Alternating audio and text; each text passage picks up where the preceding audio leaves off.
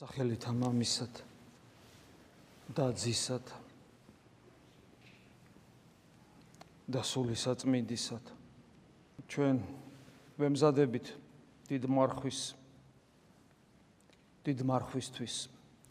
ანუ იმ დღეებისთვის როდესაც ჩვენ განსაკუთრებულად გვეძლევა საშუალება ეკლესიის მიერ რომ მოვემზადოთ აღდგომისთვის. აღდგომას რა თქმა უნდა წინ უფლის ის ვნებები წმინდა ვნებები მისი ტანჯვა იგულისხმება უსწრებს რომელიც ჩვენთვის გამოხსნელია და ჩვენ ვართ რა ქრისტიანები ერთის ხრივ ჩვენ გულში ვატარებდეთ უნდა კვეთით აღდგარ მაცხოვარს მეორე ხრივ ქრისტეს წყლულებსაც, როგორც პავლე მოციქული ამბობს. ანუ მას თანაბრად როგორც ღმერთს და როგორც განხთობილ ადამიანს, რომელმაც ჩვენთვის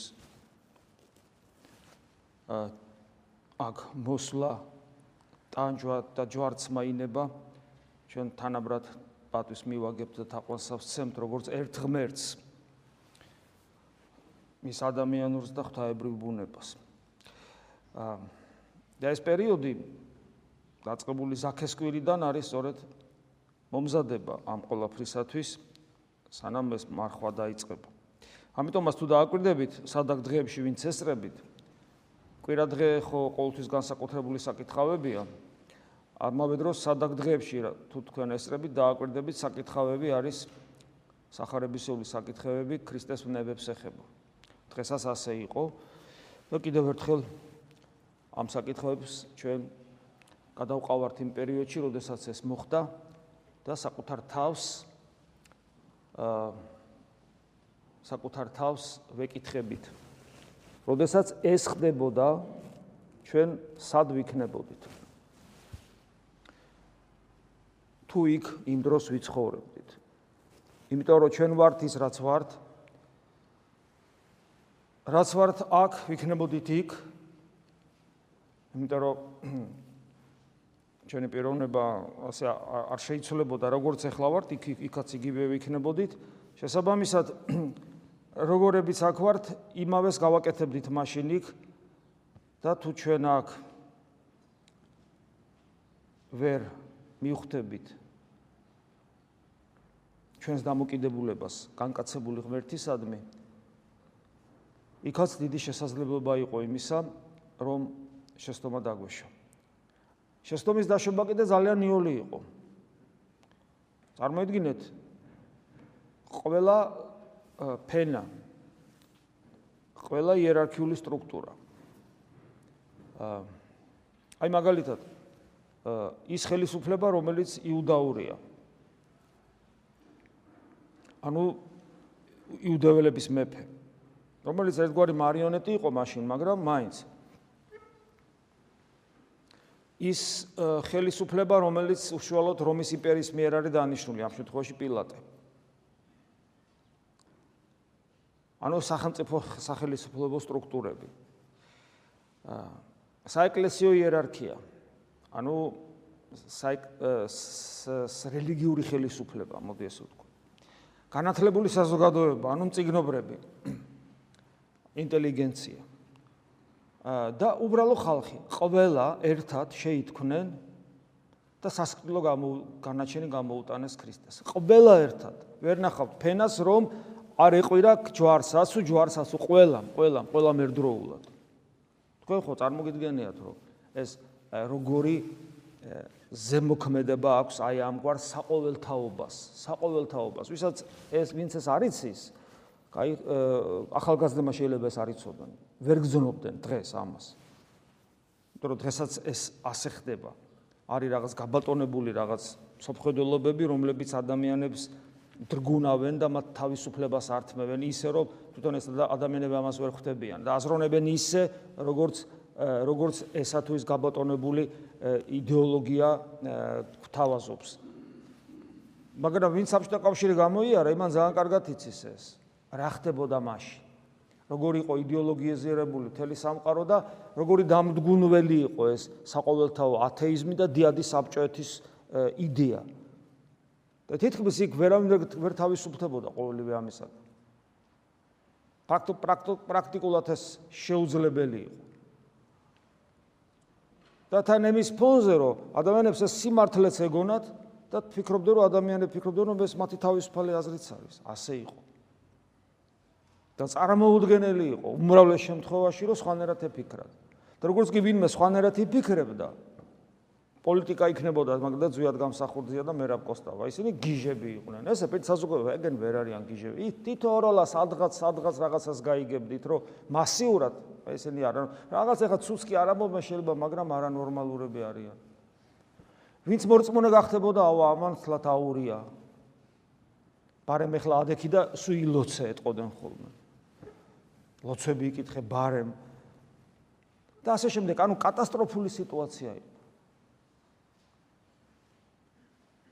სიმართლე ისე იყო დაფარული რომ აი არ ვიცი რა უნდა გექნა მაშინ რომ სიმართლე გაგეგო რა არის სიმართლე. და წარმოიდგინეთ აი ამ გვარი მდგომარეობა შექმნილი ქრისტესთან ქრისტეს მიმართება ქრისტესთან მიმართებაში. და წარმოგიდგენია ჩვენი ყოფილიყავით გვეცხოვრა და დღეს ვიფიქროთ რომ არა კაცო მე გარანტირებულად ქრისტეს მოწაფე ვიქნებოდი. ხო ხო არასწორია ეს. ხო საკუთარ თავზე რაღაც განსაკუთრებული წარმოდგენა გაქვს. ეს ხიბლის მდგომარეობა ქვია ამას. რა თქმა უნდა უფალი მოწყალია და უფალი იქვე პატიებს ჯვარცმის ჯვარცმის ჯვარცმის დროსვე პატიებს. უფალი მის მკვლელებს გახსოვთ როგორ როგორ როგორც ღუდელი როგორც ღუდელი მეოხი როგორ არის ეცური მამის წინაშე როცა ჯვარცმული ქრისტე ამბობს რომ მამაო მიუტევი არიციან რასაკეთებენ არიციან რასაკეთებენ ანუ იქვე პატიებს და იქვე მათთვის მეოხი ხდება ღვთის წინაშე მათთვის მლოცველი ხდება, მათთვის მზრუნველი ხდება ქრისტეს ლოცვა. წარმოგიდგენია ჩვენ ერთმანეთს ვებედრებით ხოლმე, რომ ჩემთვის ილოცე რა, ლოცვებში მოიხსენოთ რა. ანუ ჩვენ იმედი გვაქვს და მას წმინდა წერილიც გვასწავლის პავლე მოციქულის ამის მაგალითს გვაძლევს, რომ ერთმანეთთვისაც ვილოცოთ, რომ ლოცვას დიდი ძალა აქვს. ეს ჩვენ ვიცით, გამოგვიცდია კიდევაც. მეც პირადად გამომისდია თუ როგორი ძალა აქვს სხვის ლოცვას ჩემთვის. წარმოგიდგენიათ რა ძალა ექნებოდა ქრისტეს ლოცვას. თავად ღმერთის ლოცვას ისევ ღმერთის წინაშე. წარმოგიდგენიათ? ყველა წმინდანის ლოცვა რო შეკრიბო ერთად აი ყველა წმინდანის ლოცვა რო შეკრიბო ვერ შეედრება ოდნავაც კი თავად ქრისტეს ლოცვას ხო სწორია? თავად ადამიანად მოსული ღმერთის ლოცვას თავად ღმერთის წინაშე. ამიტომაც არის თუ სახარებისეული ექსიუჟეტი გახსოვთ როგორ ხდება იქ როდესაც ჯერ ყვირიან დასინიან ჯვარს აცუდა, ნუ ცინიზმით კლავენ ქრისტეს. გაიხსენეთ როგორ მიდიან მრავალი მათგანი უკან როგორ ბრუნდებიან, გულში მჯიხს იცემენ. შეშფოთებულები, დაეჭებულები, რომ მათ რაღაც შეეშალ. ხედავთ როგორი მოქმედა ამ მადლმა. ბლოცვა. სპირსისხლიანი ცინიკური მკვლელები ჩაფიქრდნენ. ჩაფიქრდნენ. ესე იგი ღმერთი ზრუნავდა ყველა ადამიანზე. ყველაზე არა მარტო მოციქულებს. დღეს დღეს როგორი სიტუაცია გვაქვს? ჩვენ კარგია თუ ხიბლში არ ვიქნებით და ჩვენ ძალიან კარგია თუ დავინახავთ საკუთარ თავს როგორც ქრისტეს უარყოფელებს. და ჩვენ დავინახავთ ფაქტობრივად, კარგი იქნება თუ დავინახავთ ფაქტობრივად ბევრი შემთხვევას, სახელდებით იმ შემთხვევას, კონკრეტულ შემთხვევას, როცა ჩვენ გულში ქრისტესათვის განაჩენი გამოგვიტანია. როგორ ხდება გულში ქრისტესათვის განაჩენის გამოტანა? მას უარყოფ. არის რაღაცა მდგომარე, ცხოვრებისეული რაღაც სიტუაცია, ეს თუ ეს, ეს ქრისტეს არ მოსწონს, ეს მოეწონებოდა, მაგრამ მე ვაკეთებ ამას. არ გაგვიკეთებია? არ ქონია? არ ჩავდივართ? როცა ადამიანი არჩევს, აი ქრისტეს კი არ მოეწონება, მაგრამ აი ხლა მე ამას ვაკეთებ, ეს არის ჯვარცმა ქრისტეში საკუთარ გულში. შენ საკუთარ გულში ქრისტეს არაძლევ ადგილს. საკუთარ გული არის იერუსალიმი. განდევნი მას იერუსალიმიდან და იერუსალიმიდან განდევნეს ქრისტე და ჯვარსაცვეს. ეს არის ეს მდგომარეობა ზუსტად. იმ მომენტში შენ ქრისტე არ გინდა. არ გაწყობს. ესეთი მდგომარეობა ჩვენ მუდამ გვაქვს. არა არა თუ გქონია, არამედ მუდამ გვაქვს ახლაც. ღმერთის სიყვარული იმაშიც ვლინდება რომ მან მოგცა განსაცვიფრებელი მსახურება. საიდუმლოება მსახურება საიდუმლოება. არა უბრალოდ მსახურება რომ ჩვენ ღვთის მსახურებას აღვავსრულებთ არამედ საიდუმ მსახურება საიდუმლოება. საიდუმლოება ღმერთთან ერთობისა ღმერთთან ზიარებისა. აი ეს საიდუმლოება. სადაც ახლა თქვენ იმყოფებით. თქვენ ახლა იმყოფებით სწორედ აი ამ დროს როდესაც ქრისტეს ჯვარცმა ხდება. ეს ის დროა როცა თქვენ აქ წირვაზე ხართ და თქვენ გეძლებათ საშუალება არა ერთხელ, არა ორჯერ, ალბათ თელი ცხოვრების მანძილზე. ერთხელ არ გამოგივათ კიდევ, კიდევ, კიდევ, კიდევ, კიდევ როგორ როგორმე უერთგულოთ ქრისტეს და არ იყოთ მისი ჯვარცმელები, არ ვიყოთ მისი ჯვარცმელები წირვის დროს და წირვიდან გასულები და წირვისკენ მომავლები, მომავალნი. რომ ჩვენი გული უფლის ერთგულებით აღივსოს და ჩვენი გული ჩვენგან დამოუკიდებლად არ ყვიროდეს ჯვარსაც ჩვენ შეიძლება აი მაგარ ადამიან ლოცულობს რომ თქვათ ლოცულობს თქვათ ღვთის წინაშე რაღაც სიტყვას ამბობს თქვათ აი თქვათ რაღაცა ვნებას ებრძვის თქვათ ებრძვის მემთრალეობის ვნებას ან თქვათ სიგარეტის წევას უნდა დაანებოს ან თქვათ ვიღაცის თან პრობლემა აქვს და ბოღმა აქ მისადმი და უფალს ებედრება რომ განკურნოს. ეს თავისთავად კარგია. მაგრამ ძალიან ხშირ შემთხვევაში ჩვენი ლოცვა ქმედითი არ არის და მიზეზი რა არის ამის? ჩვენი სიტყვა ჩვენი სიტყვა და გული სხვადასხვა რამეს ითხოვს. სიტყვით კი ვამბობ და უნდა ვითხოვო გასაგებია მე საკუთარ გულს არ უჯერებ. სიტყვით ხი ვითხოვ მე რაღაცას მაგრამ ჩემი გული აბსოლუტურად სხვა რამეს ითხოვს. ჩემ გულს სხვა რამე უნდა ლოცვის დროს კი უფალი გულს უყურებს. ჩვენი პრობლემა რა არის? გულის მდგომარეობა, რომელსაც ჩვენ ვერ ვაკონტროლებთ. მე კი შეიძლება ვამბობ, რომ იცი რა, მე მინდა რომ აი ეს უფალო, მაგრამ გული კიდე სხვა რამეს ხვირის. ამიტომ ლოცვა შესმენილი არ არის, იმიტომ რომ უფალი კიდე ვიმეორებ, ჰაერის ვიბრაციას კი არ უყურებს, არამედ გულს უყურებს. გულს. ამიტომაც არის რომ ადამიანები წლების განმავლობაში ეკლესიურად ცხოვრობენ. ზიარების ლოცვები გადახედეთ, წაიკითხეთ ზიარების ლოცვები გულდასმით, გააზრებულად. ნახეთ რეპს თქვენ რო ეს და ჩვენ რო ამას ყველაფერს გულით ვითხოვდეთ, მართლა ეს რო გვინდოდეს. ყოველი ზიარება დღესასწაულად იქცევა, ოღონ არა ისე რომ რის ვაი ვაგლახით რო ვართ, არამედ საგაიხსნება. ჩვენ რო ყოველთვის გულით მამაო ჩვენოს ვამბობდეთ და ჩვენი სიტყვა მამაო თან ხოდრაში იყოს გულთან, რომელსაც ენდომება ღმერთის შვილობა მართლა მართლა. წარმოგიდგენიათ რა ლოცვაა ეს. სულანათონელი ამბობს ამას რომ ჩვენ რო გქონდეს მუდმივი სინანული ჩვენ სულ სამოთხეში ანუ სულ ქრისტესთან ვიქნებით. სულ მუდმივი სინანული მუდმივი სიმდაბლე სიმდაბლე რო სულ გქონდეს. სულ სამოთხეში ანუ სულ ქრისტესთან ვიქნებით. სულ მოუკლებლი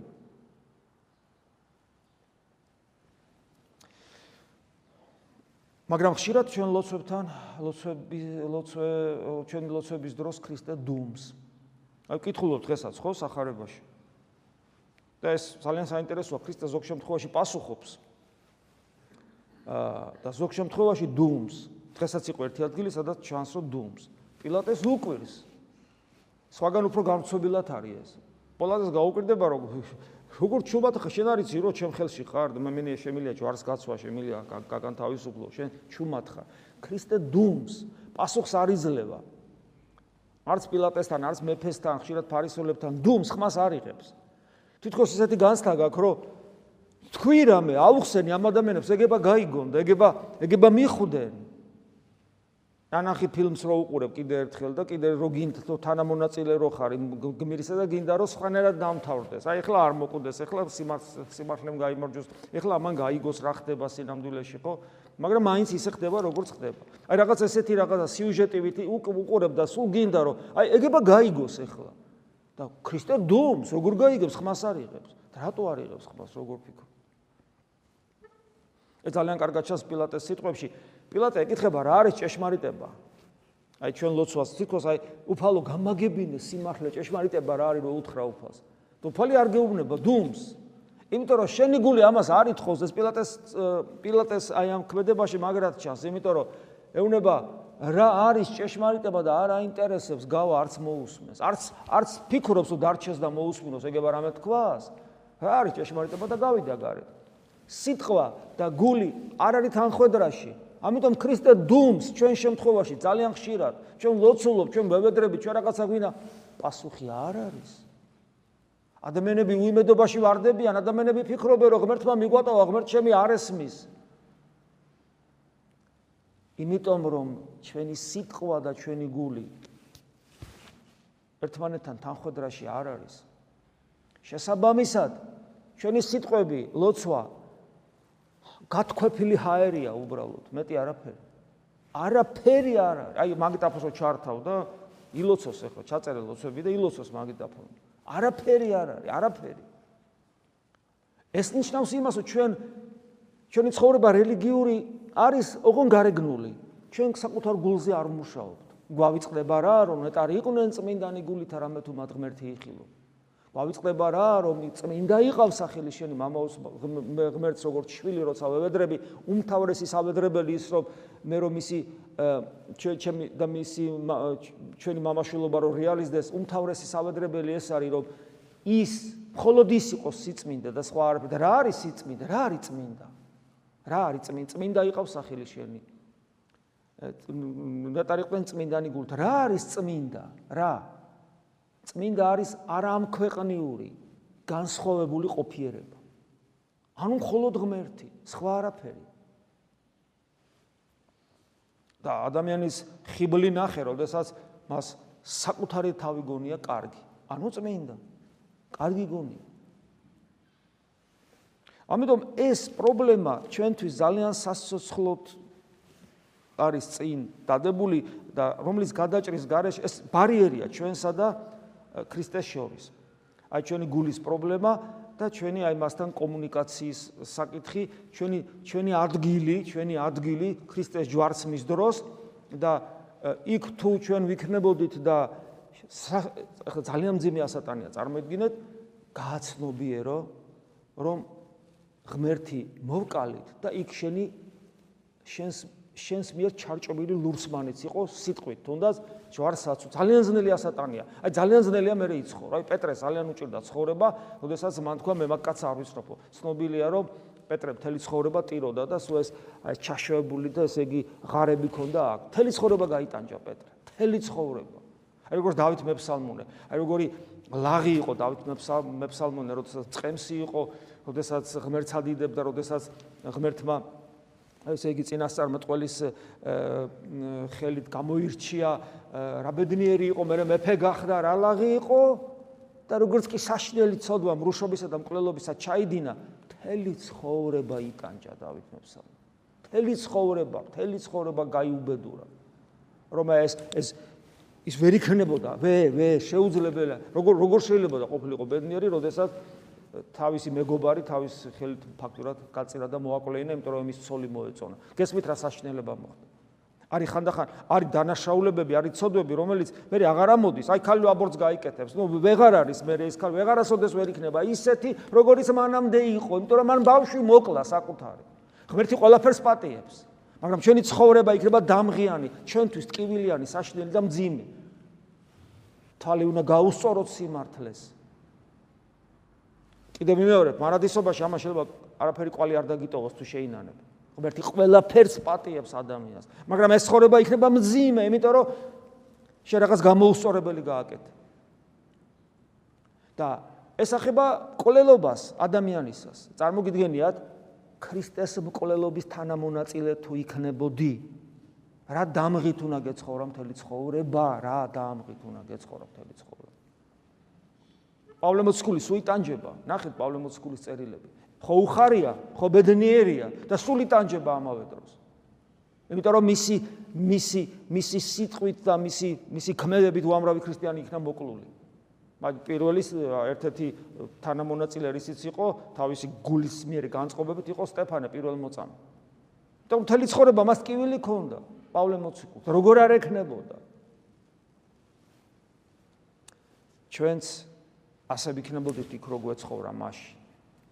ჩვენს გვექნებოდა ეს დამღა ქრისტეს მკვლელობისა და მთელი ცხოვრება გაწნეხილები ვიქნებოდით სამართლიანად. მაგრამ ეს კარგია, ცუდი კი არ არის. ეს ძნელია, მაგრამ კარგია. ეს ქირურგიული ოპერაცია ღმერთისგან ჩვენზეთ აღსრულებული, რომ ჩვენ საბოლოო ჯამში ღვთის წინაშე გამართლებულები წავსდგეთ.